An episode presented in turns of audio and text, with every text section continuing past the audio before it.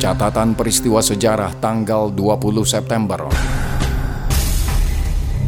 20 September 1946, Festival Film Cannes pertama diselenggarakan.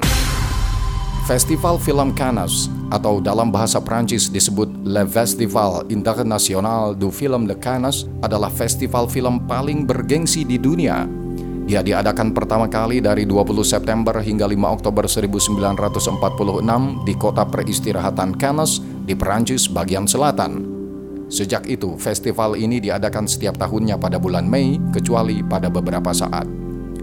Oleh karena luasnya pemberitaan media massa, festival non-publik ini dihadiri oleh banyak bintang film dan menjadi sebuah ajang populer bagi pengusaha film untuk meluncurkan film-film terbarunya dan mencoba menjual karyanya ke para distributor yang datang dari seluruh dunia. Penghargaan paling bergengsi yang diberikan di Cannes adalah Palm Emas atau Palm d'Or untuk film terbaik.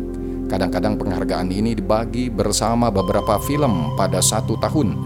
Namun, juri festival yang dibentuk dari pilihan internasional dalam jumlah kecil yang terdiri dari para ahli film memberikan penghargaan lain termasuk Grand Prize atau penghargaan tergengsi kedua.